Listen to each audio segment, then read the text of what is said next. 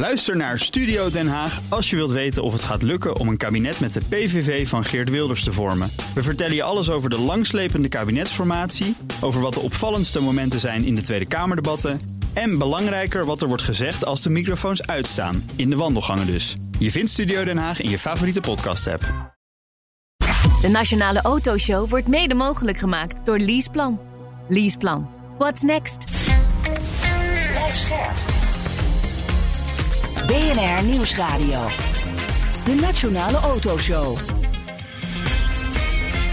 Meindert Schut en Wouter Carson. Ieder hoekje, gaatje, centimeter asfalt van circuit Zandvoort. Onze gast, die kent het. Ja, we, spreken zo uitgebreid met de trackmanager over zijn werk. Veiligheid, ah, boring. Eh, de aanpassing aan de baan en meer. Ja, je luistert naar de zomerserie van de Nationale Autoshow. Circuit Zandvoort bestaat 75 jaar. Wouter, we zitten hier nu op start-finish ongeveer. Maar met een circuit gaat het eigenlijk altijd om de bochten, toch? Nou, een rechtstuk is ook belangrijk. Ja, dat is vol gas, maar dat kan iedereen. Dat kan Ja. iedereen. Nou, Wat was je favoriete bocht hier? Oeh, dat vind ik wel. Ik vind de, de, de, de beide kombochten Ja. wel interessant. En de, en, en de grote, zeg maar, eh, rechte stuk op is eigenlijk vooral interessant als de auto echt hard gaat, maar niet downforce heeft. Ik had het toevallig eh, twee weken geleden. Ik dacht, ja, kan dit nou echt vol gas? Of is dit ja, Waar- geleende auto? of onder? Ja, ja, ja, precies. Eh, en, en, en, en de kleine kombocht, zeg maar, om het zo even te noemen, ook dat ja, wat is nou echt de beste lijn? Daar blijft nog discussie over ontstaan. Aan de andere kant, uitremmen Tarzanbocht, Ja, daar zie je ja, wel de wel- mindere goden. Nou, precies. eh, die is dat de- toch mijn favoriete bocht, denk ik. dat vind ik dan ook wel weer grappig. Dan merk je gewoon van, joh, ik gewoon veel later remmen dan de ander. En, en, en dan even ertussen prikken. Ja, ja precies. Moet je maar Ach, kunnen. Hè? En die van jou dan? Ja, dat zeg ik Dat? Tarzanbocht. Tarzanbocht, toch wel. Ja, de meeste techniek bij nodig. Heb, is mijn gevoel, in elk geval. Ja. Mm, En ik ben van de techniek. Hè, Ja, ben je van de techniek? Ja. Ja, er zijn wel... Kijk, het is natuurlijk geen combinatie, hè? Het is gewoon een bocht. Eigenlijk de combinaties zijn altijd het mooiste. Dat je denkt, ja, je moet die goed pakken en dan daar lekker uitkomen. Maar we gaan het hier aan iemand vragen die er veel meer verstand van heeft. Ja, en dat is Niek eh, Oude Lutikhuis, trackmanager bij Circuit Zandvoort. Leuk dat je er bent. Ja, leuk dat jullie hier zijn. Ja, op het circuit. Hè? Dus eh, eigenlijk zijn we een beetje bij jou de gast. Welke bocht is jouw favoriet? Ja, dan ga ik toch voor een combinatie. Dan ga ik van bocht 3, de, dat is de nieuwe kombocht, Ja. tot door, door de slotenmakerbocht heen richting Schijfvlak. Dat is toch wel de mooiste combinatie. En het waarom? Ah, hij ligt er al sinds eh, het begin van het circuit. Dat is al mooi. Het meest originele stukje Het ongeveer. meest origineel stukje. Ja, en je moet daar toch wel eh, ook durven. Ballen. Ballen. Vooral, vooral Ja. met snelle auto's moet je daar ja, ballen ja, hebben. ja, Ja. Ja, nou, dus ik, het was grappig. Ik, ik had hier een, een, een dag met Alpina en er reed een instructeur voor in een eh, Alpina ook met een grote vleugel. En, en ik keek zo, zeg maar, op dat punt. dacht, ja, die auto is echt onrustig aan de achterkant op dat punt. Ik, ik, ik- ga- valt zo'n auto, ja, niet door de mand, want Alpina's zijn vooral voor eh, op de weg. Maar dacht, het is wel een heel gaaf stuk. Maar ik vind hem, dat is wel voor gevorderden, hè, want daar is wel, als het daar misgaat, is het ook meteen Ja, dan, Interessant. dan staat de vangrail vaak wel ietsjes naar achteren. Ja, dat Ja. klopt. en dan kom jij met je notitieboekje en dan schrijf je op een metertje vangrail, paaltje. Wat is wel Gelukkig heb moet je ik meteen daar afrekenen. collega's voor eh, Ja. die dat, eh, die dat voor zijn, ta- voor hun Ja. rekening nemen. Jij Ja, bent trackmanager. Wat houdt dat precies in? ja trackmanager. Eh, je hebt er gelukkig maar twee in Nederland. Twee Eentje tracks. Hier, ja, en eentje in Assen. Ja, ja, precies. Nee, wat, eh, wat we doen is het, eh, het onderhoud op het circuit coördineren. Zorgen dat het circuit up-to-date blijft. eh, alle nieuwbouwdingen coördineren. Maar ook, eh, ja, mijn taken hoort ook eh, vergunningen bij. Ja. Op Die het gebied minst, van milieu. minst favoriete deel, of valt het wel mee? Nou ja, als je er een beetje in verdiept, kan het ook heel erg leuk zijn. Ja? Maar het is niet altijd even leuk. Nee. Nee. nee. Wanneer is het niet leuk dan? Eh, ja, de, ja de, de rechtszaken die we allemaal wel kennen, ja, Ja. die zijn er. Ja, maar gelukkig, eh over het algemeen worden goed in het gelijk gesteld. Ja, precies. Ja. Ja. Voorlopig nog wel. Laten we, nee, laten we er maar uitgaan dat zo blijft. Hey, hoe word je eh track manager? Wat is jouw achtergrond? Ja, ik heb een bouwkundige achtergrond en een bedrijfskundige achtergrond. Daar heb ik gestudeerd, maar al heel snel na mijn studie heb ik hier gesolliciteerd. Ja. Dus heel even in de bouw gezeten. En dan ja, hier begonnen. ja. Wat, wat, wat, wat is je belangrijkste vaardigheid dan? Die, wat, wat, wat, als iemand ooit jou wil opvolgen, duurt het nog 100 jaar voordat jij Nou, ik denk dat je, je, je, je interesse in de sport is heel belangrijk. Als je trackmanager bent, je moet gevoel hebben. eh, je moet ook, ja, moet zelf racen vind ik een beetje ver gaan. Maar ik doe ook wel wat activiteiten Ja. op de baan. Eh, je moet wel eh, weten waarmee je ja, aan de gang gaat. Het is Ja. niet alleen op papier. Nee. Maar Nee. was dat al zo toen je solliciteerde? Of, of is dat bij jou... Ja, in mijn Gegroeid. studententijd, eh, toen ik in Enschede studeerde, hadden wij al een, eh, een raceteampje. Deden we Ja. met de Toyota Yaris Cup, zetten we een auto in. Kijk. Ja, en nee. succes mee gehad ook? Vice-kampioen Kijk. in de Toyota Ja. Yaris Cup. Ja. Ja, ja, Nou. Je moet ergens Je beginnen. oma Zeker. zal trots op je zijn. Het waren leuke auto's natuurlijk. Wel grappig. Eh, eh, Jouw functie, is dat gewoon fulltime 40 uur per week? eh, of, of Ja, als combineer het je 40 per uur per week was geweest, was het mooi geweest. Nee, Ja. meestal meer. Ja? Nee, in de zomer zeg ik altijd, dan, dan werk je bij wijze van, kun je wel 60 uur in de week werken. En in de winter is Dan dat slaap je bijna op het circuit. Ja, nou, dat valt gelukkig tegenwoordig mee. We hebben wat meer collega's door de jaren heen gekregen. En dat, eh, dat helpt wel mee. Maar Ja. je bent veel bezig hier. Ja, wat is dan het, waar ben je het meeste tijd mee kwijt? Eh, ja, ik zag altijd de e-mail. Maar eh, en wat staat er dan in die eh, e-mail? Hè? Wat staat er in die e-mail? Eh, op- en afbouw van evenementen gaat gewoon heel veel tijd hierin zitten. Maar Ja. ook eh, nieuwe wensen van eh, via VOM eh, die je moet vertalen naar je circuit toe. Ja. En eh, ja, je hebt natuurlijk, eh, mensen hebben altijd heel veel wensen. Maar jij moet zorgen dat ze uitgevoerd worden binnen eh, nou ja, Ja, of- een budget of je- natuurlijk. of Of je je moet zegt wel, gewoon gaan nee we- zeggen. Dat kan natuurlijk doen. ook. ja, ja, sommige dingen we. moet je naar jezelf toe draaien. Ja. En leuker maken in plaats van zomaar klakkeloos dingen uitvoeren hier. ja.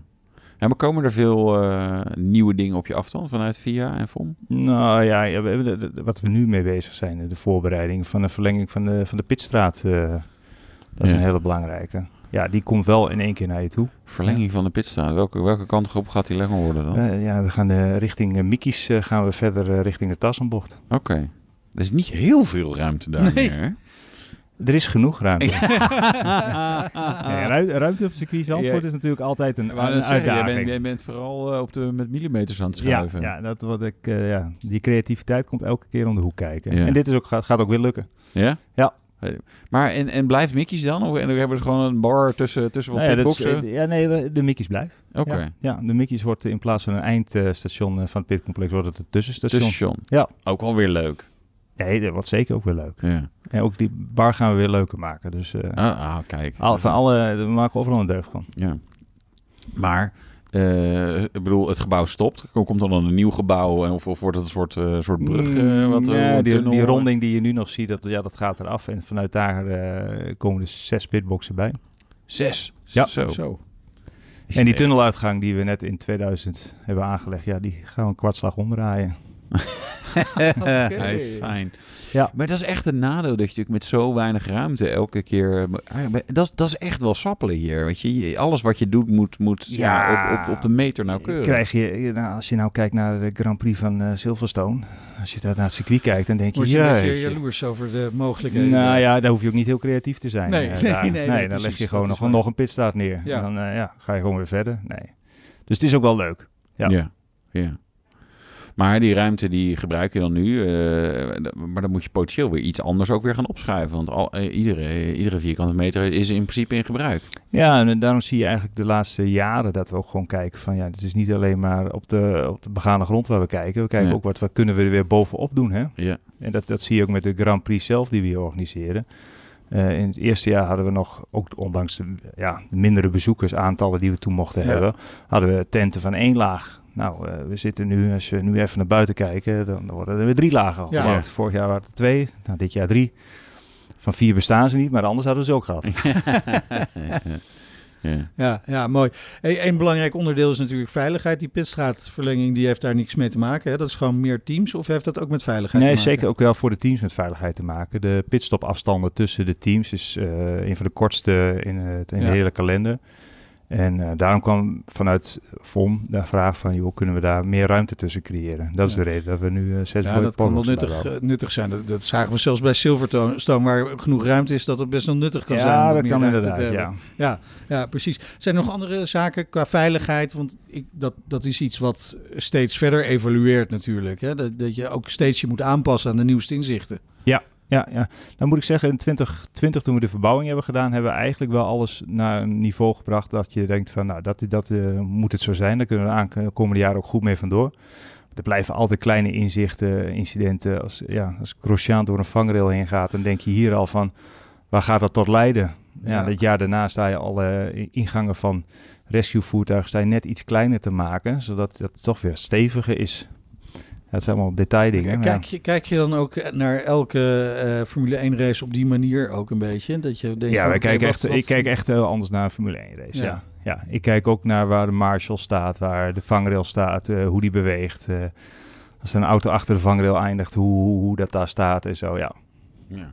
Terwijl het best bijzonder. Veel van de marshals natuurlijk toch nog weer vrijwilligers eh, en zo ook, hè? Toch? Of, of, Ja, bijna alleen maar Ja, vrijwilligers. maar Ja, dat is best bijzonder. Dat je professionele sport, veiligheid belangrijk. En dan, eh, ja, dan vraag je maar iemand, eh, zeg maar, kom jij het even doen? Nou, vraag je nee, maar nee, iemand. nee, dat is, Nee, is nee, gechargeerd. nee, Nee, even opnemen. Maar het is, Nee, het is nee. niet betaald. Nee, nee, het is niet betaald. Nee, maar dat betekent wel dat de jongens nog steeds professioneel zijn. Ja.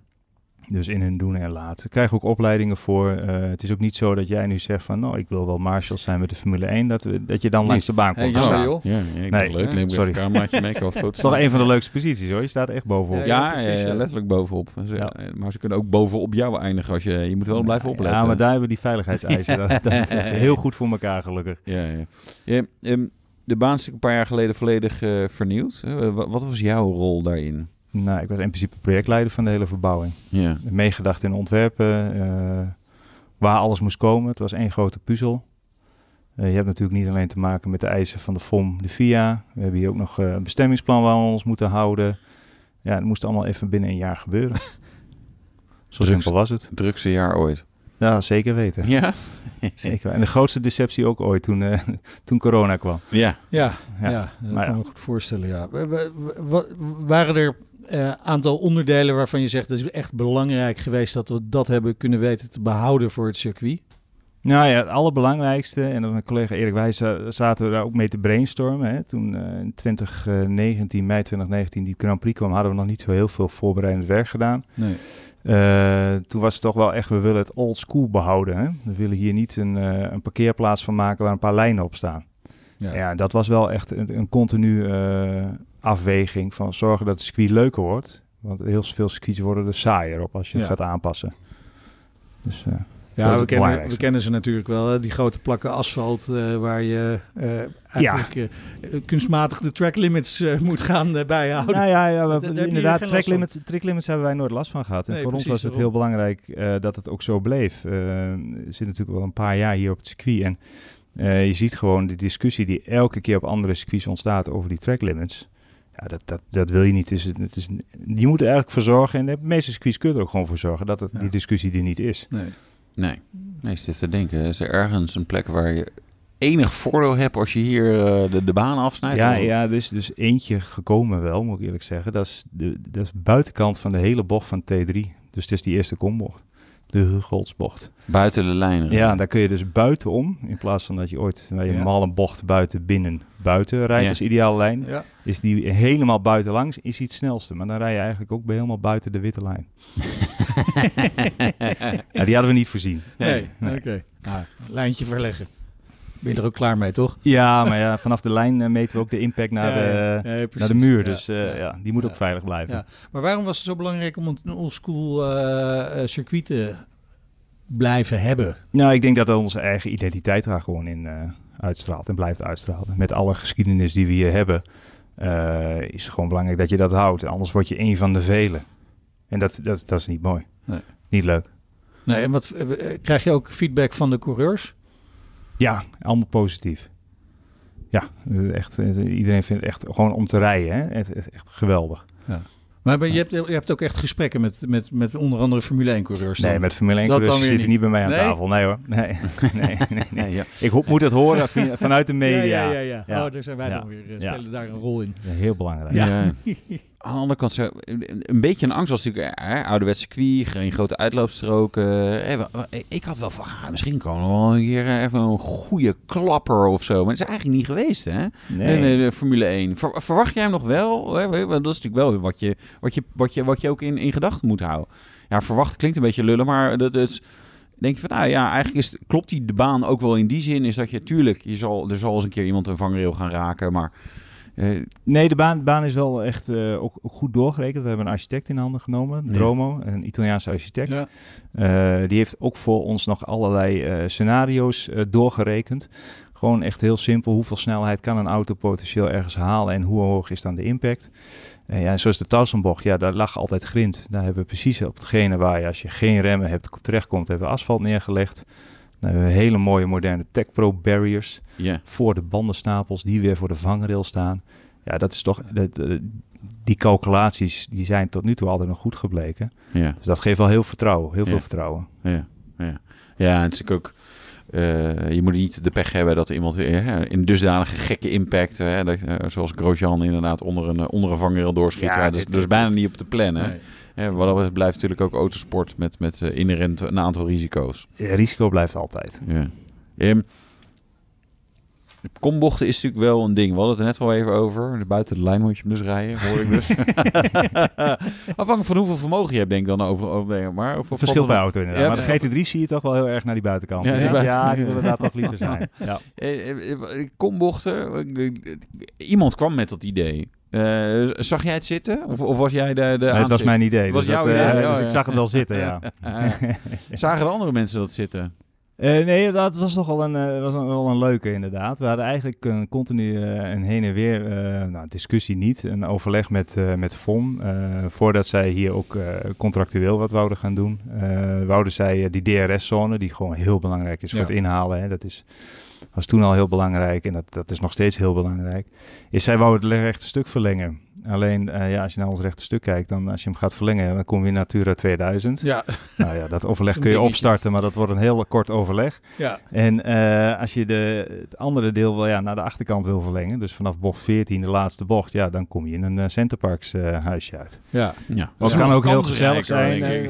Mooie omgeving, dat Ja. wel, maar nee, dat, Ja. dat werd hem ook niet. Oké. Dus zaten ze eigenlijk, ehm, die DRS-vleugel, die kan in een bocht open. Eh, maar dan mag je niet te veel zijdelingse G hebben. En dat was, eh, er zijn heel veel tekeningen, ik denk een stuk Ja. of 15 studies geweest, hoe je die bocht anders kan maken in een 2D-profiel. Om te zorgen dat je die zijdelingse G aan de ui- buitenkant van de bocht niet haalt. Zodat je om iets eerder eh, die DRS open kon gaan. En eh, ja, ik heb toch een bouwkundige, dus een constructieve achtergrond. Op een gegeven moment stond ik echt gewoon 's ochtends, ja, toch echt daar elke keer nog over na te denken onder de douche. En eh, toen dacht ik in één keer, hé, hey, maar als we die zijdelingse G, als we die, die, die, die, ja, die noem je de I-as, als je die nou Ja. meer naar de Z-as brengt, dan heb je minder G-kracht op de I-as. Eh, Maar dan moet je een verkanting maken. Is eigenlijk wat ze in Amerika doen.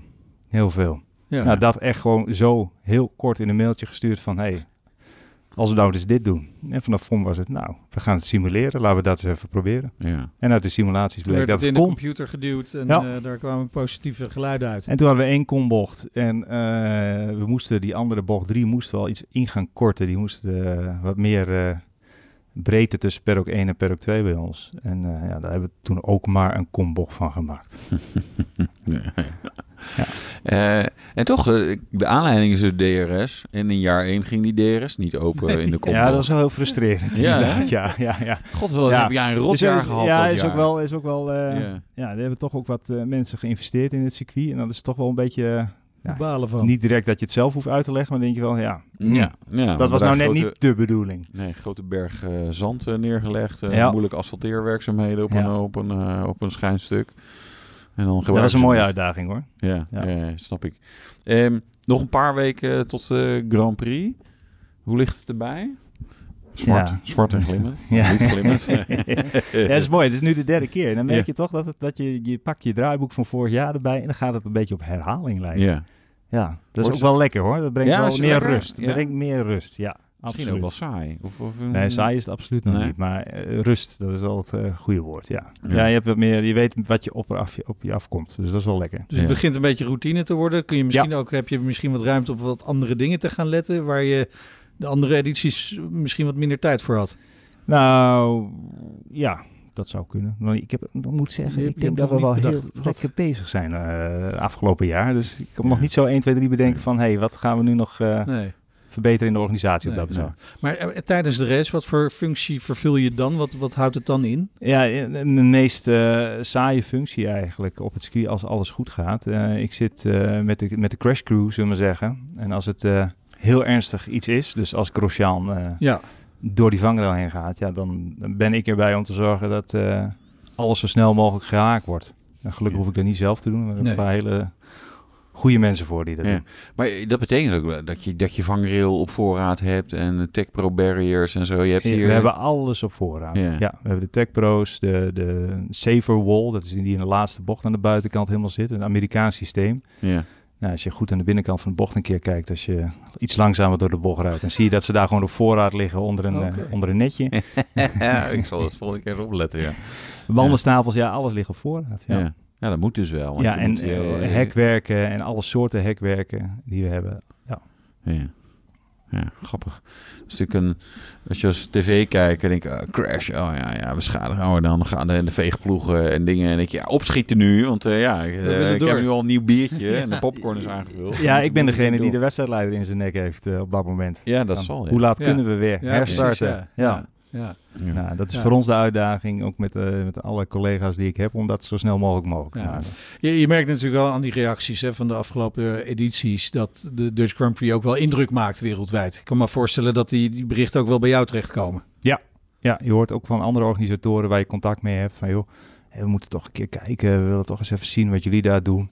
Eh, vooral die eerste heeft echt meteen heel veel impact gemaakt. Je zag het jaar daarna, eh, of in, in dat jaar zag je andere Grand Prix, zag je ook al dingen overnemen. Hè?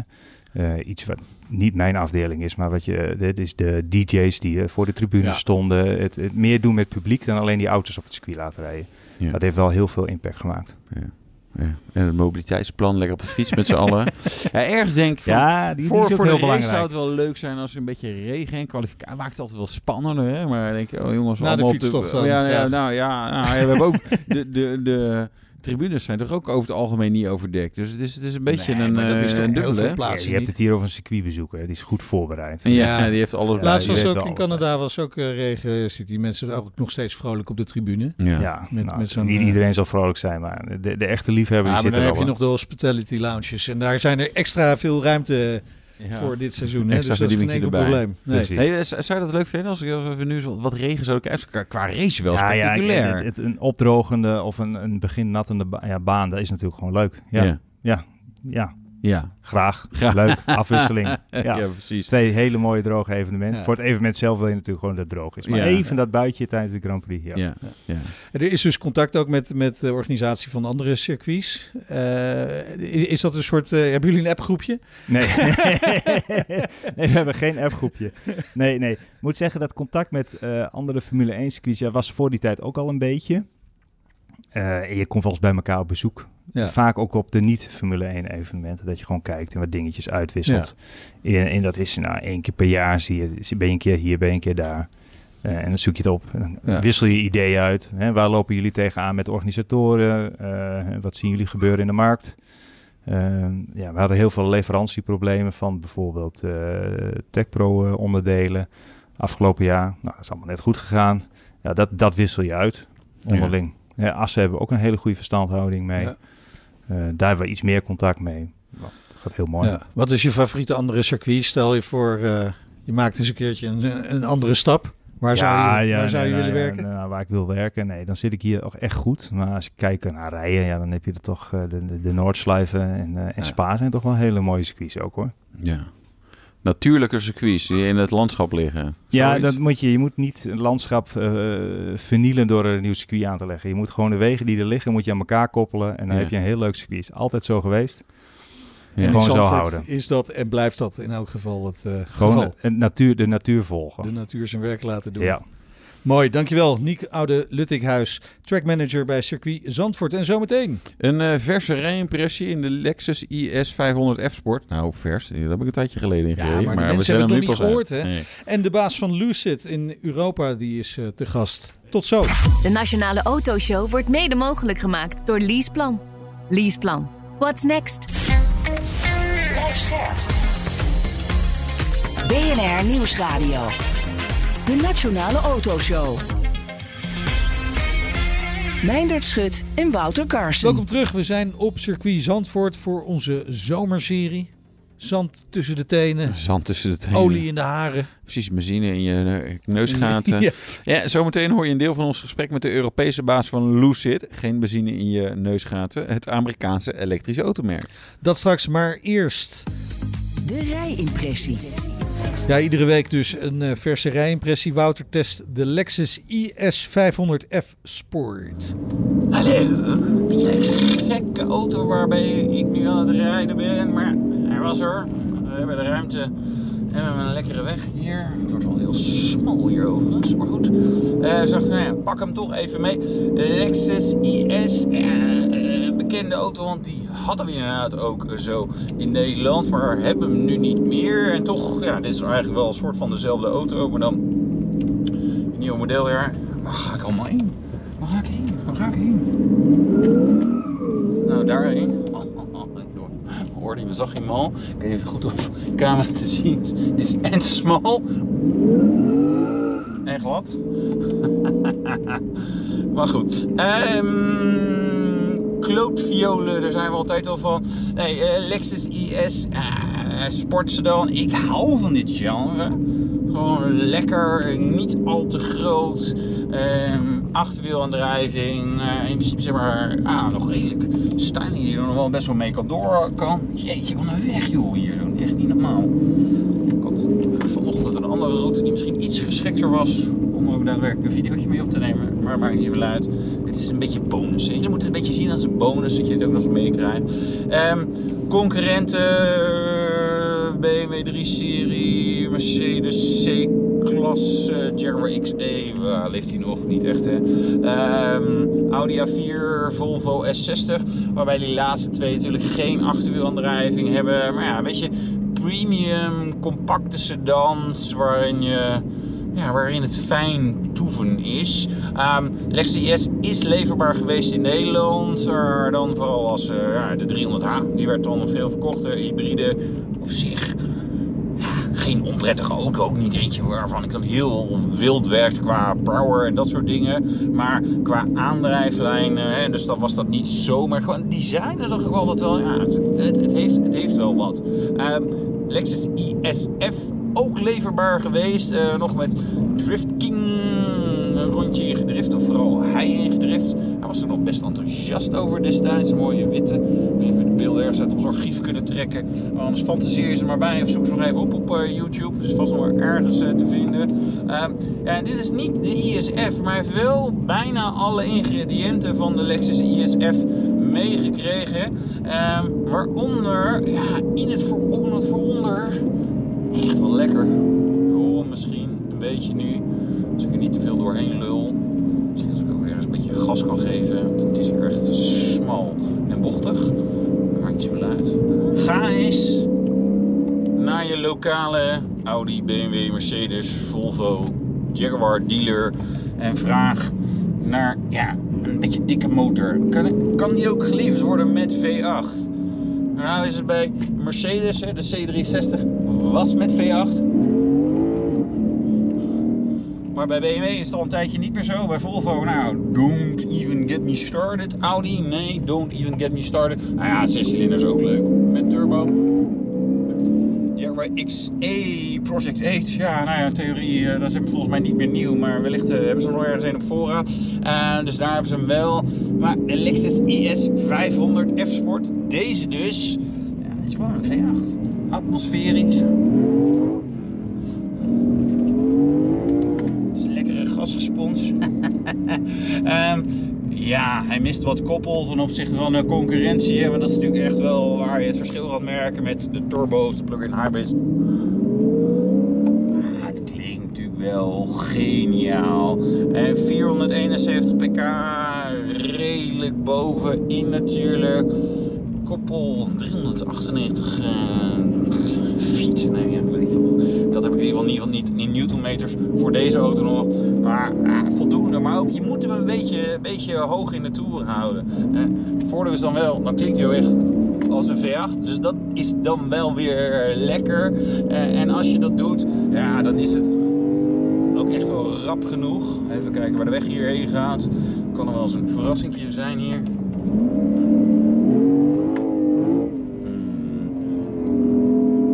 Je moet hem eigenlijk een beetje zo rijden dat, hij, eigenlijk dat je denkt, oh, wel iets te veel toeren, maar dan is het toch wel ook wel weer grappig. Klein rondje met een Lexus ISF. Ik weet het, een beetje een gek ding. We gaan hem in Nederland niet zo zien. Misschien een eens een keer eentje tegen kunnen komen. Het is wel een geinig idee. Maar echt wel een maatje grotere motor dan er in de standaard 3-series en C-klasses inmiddels wordt geleverd. Dat is misschien wel de charme. En als een atmosferische V8, ja, het is wel gewoon geweldig qua geluid en gasrespons. I like it. De Lexus IS 500F Sport blijft er toch een beetje een eh, vreemde eend in de Een beetje, ja. een V8. Een Peking eend. Ja, Oh, ja, nee, een het V, is, eh, V8 in een kleine sedan. Tokyo eend. Ze hebben die V8, eh je gebruikt ze natuurlijk wel meer eh, bij, bij Lexus, maar eh, in deze vorm is die nooit in Europa geleverd. En toch wel, ja, is een beetje dubbel. Ik dacht, ja, ik vond het wel een hele lekkere auto ergens, goed geluid en zo, maar het is ook wel dat je denkt, ja, je merkt dan de leeftijd. Langzaam begint die eh, dan eh, begint je op te komen. Ja, dus eh, weinig eh, verkoopaantallen hier. Nee, ook gewoon een Lexus IS. Ik weet eigenlijk niet eens of ze die nog leveren. Zou zomaar kunnen van niet. Eh, Nee. Van die auto's die langzaam een beetje verdwijnen. Hè? De kleine sportsedan. Vind ik wel jammer, want het is wel een beetje mijn genre. De Nationale Autoshow.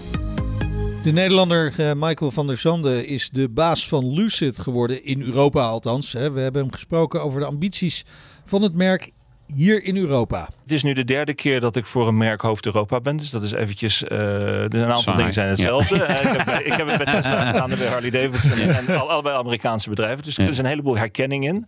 Het verschil bij Lucid is denk ik inderdaad dat gewoon die techniek vooraan staat. En dat je daardoor gewoon andere, betere oplossingen kan vinden. En ik vind het heel leuk om dat verhaal te vertellen. Ja. En, en ook te laten zien dat het ook gewoon werkt. ja. Eh, noemen ze een klein voorbeeld van wat ze beter doen, waardoor die auto het, het, het, het beter is? Nou, uiteindelijk als je het over een elektrische, of eigenlijk elke auto, maar vooral elektrische auto's, gaat het natuurlijk u- uiteindelijk hoe ver je kan rijden. Je hebt het over range anxiety regelmatig in dit programma uiteraard.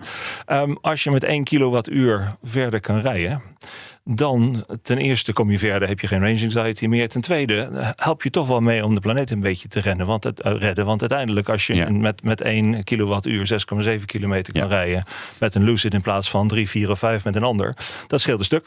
Ik, je ziet mij misschien een filijn glimlachen in de radioluistering. Maar eh, eh, hoeveel pk heeft jullie snelste versie nu? Want je hebt het over de planeet redden. Ja, In, precies. in dit licht, vertel eens. Nou, maar is het nou niet mooi dat je... Het begint met een in 1, hè, dat cijfer. Het begint met een 1. En daarna nog een één. cijfers. Ja, Ja, en precies. vier, ja. En dan 11 nog een 1 en dan nog een 1. Dus Dus 1111 pk. Ja, wel fijn dat je Hallo. daarmee eh, de, de planeet redt. Precies. Maar eh, kijk, uiteindelijk moet je bovenin de markt beginnen met de meest uitgesproken techniek. En eerlijk gezegd een prijs die erbij hoort, want die techniek is heel duur. Ja. Ehm, dus deze auto is eigenlijk voor ons eigenlijk het, ja, het testprogramma om te kijken hoe ver je nou kan komen daarmee. Die auto heeft niet alleen 1111 pk, hij kan ook meer dan 800 kilometer Ja. rijden. Dat is het verste in de markt. Ja. Het is de meest aerodynamische auto op de markt. Het heeft de meest e- efficiënte ehm, elektromotoren. En kijk, als je dat allemaal bij elkaar optelt, betekent gewoon dat je ehm, met de batterijcapaciteit en die efficiëntie gewoon een boel vermogen krijgt. En dat is fijn. En, Ja. en- Natuurlijk. Ja, dat ik vind het ook dat- fijn, dat-. Absoluut. Ik reed woensdag in de dat- Ik vond het wel maar fijn. voor, hoeveel, eh, hoeveel euro mogen we lid worden van dat testprogramma? Op dit moment eh, beginnen we bij 160.000 euro ongeveer. Later dit jaar eh, zullen daar nog twee eh, versies van de Lucid Air bij komen die tot ongeveer 100.000 zullen gaan zakken. Op middellange termijn gaan we eerst een SUV introduceren zoals iedereen dat doet, want daar zit het volume in de markt. We moeten het Ja, jullie pakken dus niet een- een- alles anders aan dan de anderen. Nee, want kijk, uiteindelijk zijn we toch een bedrijf en moeten we onze investeringen terugverdienen. Maar we gaan dan over een jaar of twee, drie een mid-size auto doen die, die kleiner is. En inderdaad nog steeds met die principes van met 1 kilowattuur zover mogelijk. Maar dan in een klein, kleiner pakketje. Dus het is echt onze bedoeling om die technologische voorsprong te gebruiken. Ook in lagere segmenten, zodat, zodat meer mensen ervan kunnen genieten. Niet per se met 1100 pk. Nee, nee, laten we vooral niet iedereen 1100 Nee, pk dat geven. lijkt Lijkt me een heel goed idee. Ehm, het Europese hoofdkwartier van Lucid zit hier in Amsterdam. Is het, is het lekker om weer in Nederland te zijn? Sp- Speelde dat mee dat je dacht, nou ja, zal een keer Ja, grappig? nou, ja, eigenlijk. eh, ja, ik ben net van mijn kantoor gelopen aan de overkant hier. Dus dat was heel makkelijk, 10 minuutjes. Ehm, ja, ik was al 28 jaar met familie in het buitenland. En het was eigenlijk niet per se de bedoeling om terug te komen. Maar toen die mogelijkheid zich voordeed, hebben we besloten van ja, eigenlijk is dat wel heel leuk. En, ik- Ja. en ik vind het ook heel leuk. Ik ben nu een paar maanden. En eh, het is even wennen op sommige gebieden. Die politiek, die verkiezingen van gisteren, snapte ik helemaal niks van. Nee, wij ook niet hoor. Nou, nee. maar goed, maar ik, goed, ik wist niet eens waar ze het over hadden. Laten we het Nee, zo. Ik denk dat we wel Maar- even bezig zijn met duiden hiervan. Maar, eh, Dus eh, nee, maar het is heel leuk eigenlijk. ja. Ja. Zijn er ook dingen minder leuk? Weet je wat? In Engeland kan je ja, leuk eh, bergen rijden. Weet ik veel, veel grote Ja, land. het Dus het is even wennen. Ja, ja. Ja, dat klopt. maar goed, dat kan ook de Lucid bijna vanzelf, toch? Nou, we, we- eigenlijk hebben we niet als eerste op aut- autonomous driving Nee. gefocust. We vinden dat dat nog een tijdje weg is. Hij heeft wel een aantal autonome, semi-autonome functies. Maar eigenlijk wat we eerst wilden doen is gewoon de best mogelijke auto bouwen. Die niet alleen zelf dingen kan, maar ook heerlijk rijdt. Je, je bent ook eh, in, eh, bij Lucid in Newark, Californië geweest. Ja. Hoe, hoe was dat?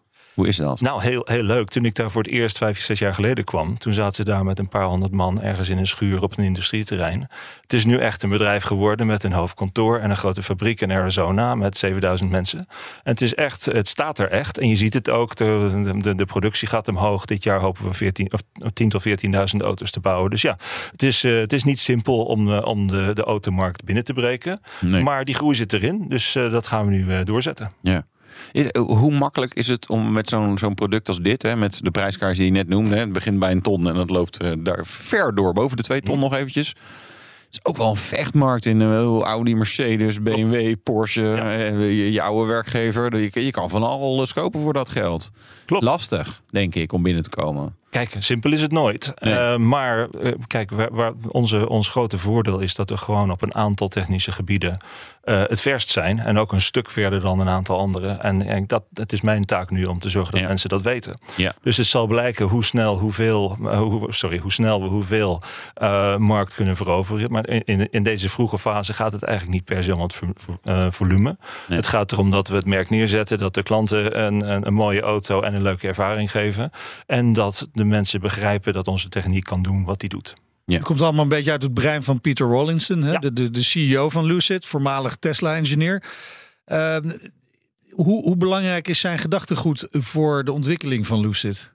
Enorm belangrijk. En dat, daar heeft hij mij vijf jaar geleden, toen ik daar was, al Ja. van overtuigd. Het is gewoon zijn eh, brainchild, hoe zeg je dat in Nederland, zijn gedachten. Ja. En dat heeft hij gewoon helemaal tot aan het eind uitgewerkt. En je ziet het overal in de auto. En, en kijk, die principes, die gelden wat voor soort auto je ook bouwt. Groot, klein, hoog, laag, noem maar op.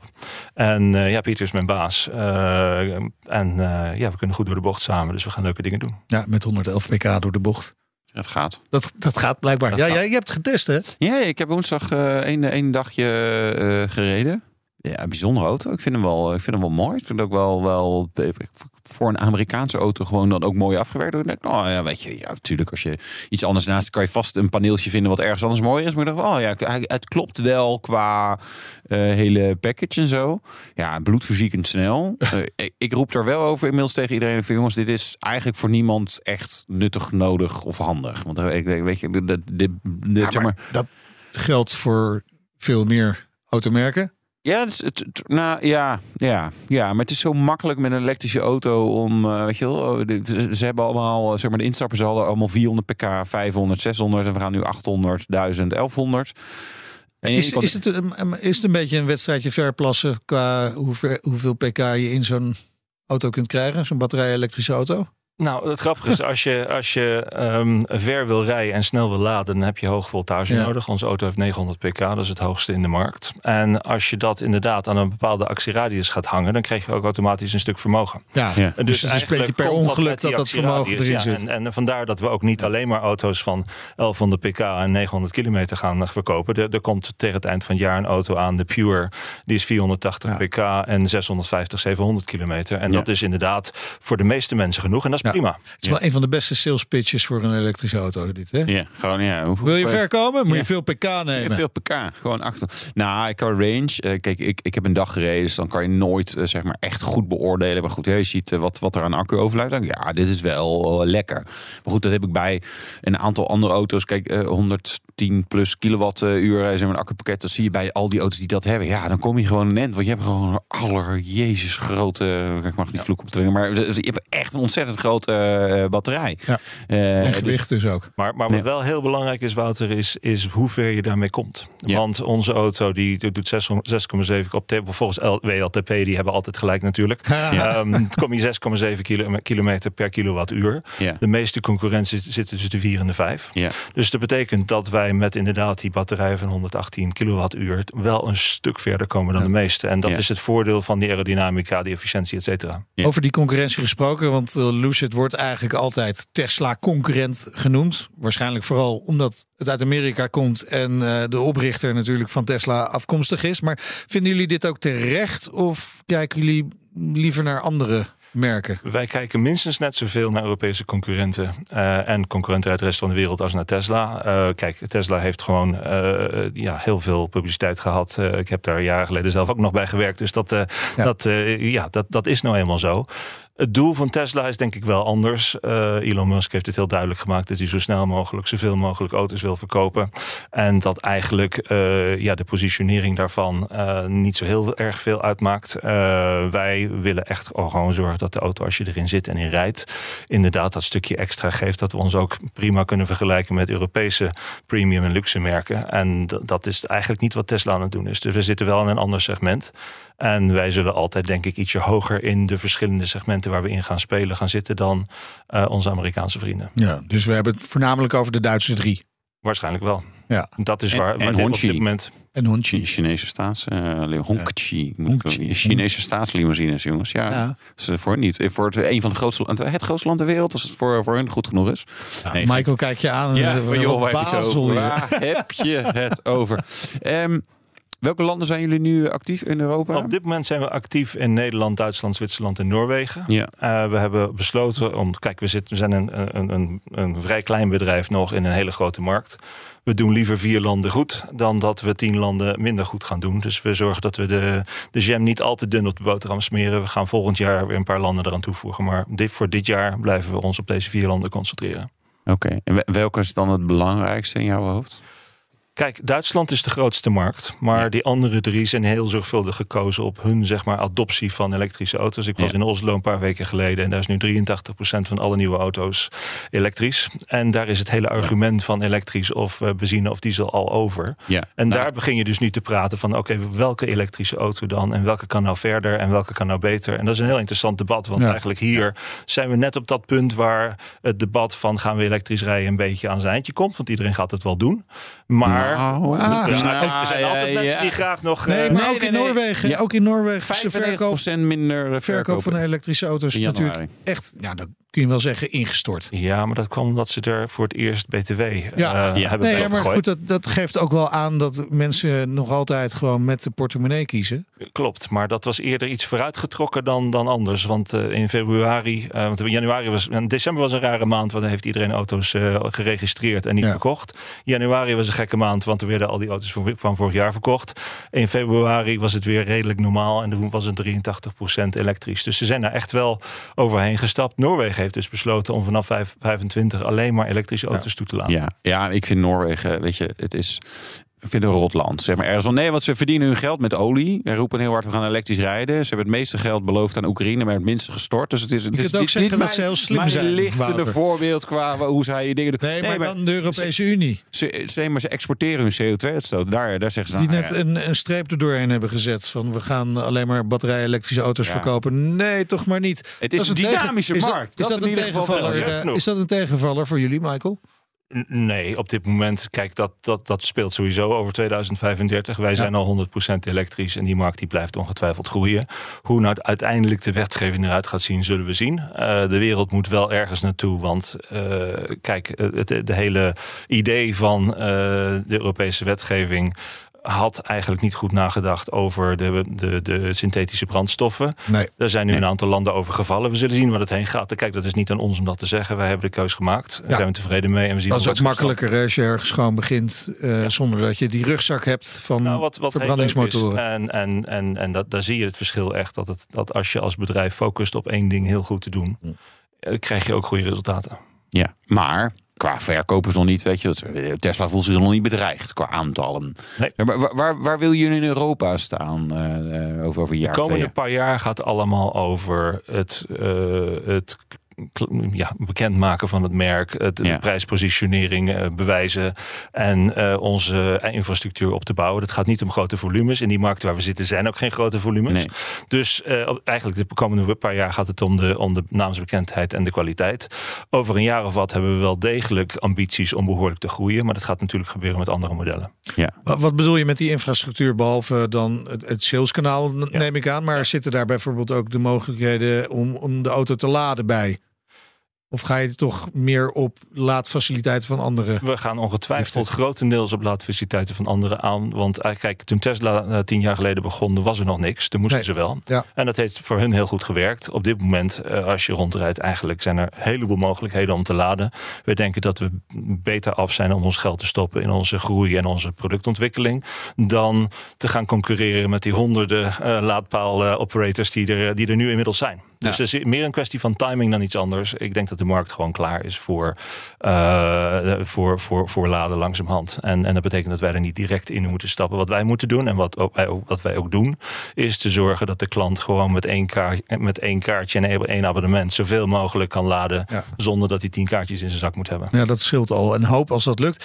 Ehm, je, je bent hier actief eh, in Nederland natuurlijk. Hè? Je zegt net, je kantoor is eh, verderop, een paar minuten lopen. Zit je daar in je eentje in kantoor, Loes, zitten leiden over heel Europa? Of heb je nog Nee, wat eh, ehm, medewerkers? Het, het kantoor is er sinds een klein jaar, dus het is allemaal heel nieuw. Eh, we hebben hier een man of tachtig op kantoor zitten die zeg maar de Euro- Europese functies Ja. doen. Alles van eh, sales tot marketing tot after sales service en, en, en zeg maar de, de, de ondersteunende functies, administratieve functies. Eh wij hebben retail, eh, zeg maar eh, sales en service eh, installaties. Die beginnen we net in, in, de, in de vier landen waar ik het net- net over had. Die zijn Ja. aan het uitbouwen. Dat blijft een vrij klein aantal. Want het mooie met elektrische auto's is dat ze niet zo regelmatig service nodig hebben. Dus dat betekent ook dat het netwerk relatief kleiner kan zijn. Want wij eh, updaten onze auto eigenlijk grotendeels via ehm, eh, het internet. Ja. Dus dat betekent eigenlijk dat we een lerende auto verkopen. Die gewoon een heleboel van zijn ontwikkeling en onderhoud eigenlijk gewoon zelf doet. En dat betekent gewoon dat wij, eh, dat wij eh, de klant minder frequent ehm, moeten helpen dan bij een traditionele auto. En qua fabricage, hè, want er is natuurlijk een hele mooie wet van president Biden die ervoor zorgt dat je enige steun krijgt als je in Amerika spulletjes bouwt. Ja. Eh, betekent dat ook dat jullie gewoon in Amerika blijven bouwen en voorlopig nog niet eh, plannen hebben om bijvoorbeeld hier in Europa een fabriek neer te zetten? We hebben op dit moment nog geen plannen om in Europa een fabriek neer te zetten. Dat is nog te vroeg. Zeker ook als je dit soort aantallen van die hele premium auto's verkoopt, heeft het geen zin om dat op te delen. Zeg maar. Dus de komende jaren zullen we ongetwijfeld in Amerika blijven produceren. Midden tot langer termijn. Ja, eigenlijk, eh, dat- we zitten helemaal aan het begin van die, van die curve. We gaan wel wereldwijd lang stapje bij stapje, stapje voor stapje auto's verkopen. Dat zal ook ongetwijfeld Ja. een keer toe leiden dat we ook internationaal gaan produceren. Michael van der Zanden, de Europese baas van Lucid. Dit was de Nationale Autoshow. Terugluisteren kan via onze website, via onze app, maar ook elk podcastplatform dat je maar kunt bedenken. Ja, abonneer je gewoon zes keer. Dat is goed voor onze cijfers. Luister dan ook gewoon alles gewoon een keer terug. Oh, ja, maar je mist en elke volg keer ons wel ook wat, op, ja precies, dat bedoel ik. En volg ons op Twitter, Facebook, Instagram en LinkedIn. Want dan mis je nou ja, helemaal niks meer. Ja, precies. Eh, eh, ik ben Meijnerd Schut. En ik ben Wouter Karsen. Tot volgende week. En dan spreken we de baas van de Autosportbond KNAF. De Nationale Autoshow wordt mede mogelijk gemaakt door Leaseplan. Leaseplan. What's next? Ook Diana Matroos vind je in de BNR-app. Ja, inderdaad. Je kunt live naar mij luisteren tijdens de Big Five. Ook handig in de BNR-app. Breaking nieuwsmeldingen, maar ook het allerlaatste zakelijke nieuws. En je vindt in de app alle BNR-podcasts, waaronder Wetenschap Vandaag. Download nu de gratis BNR-app en blijf scherp.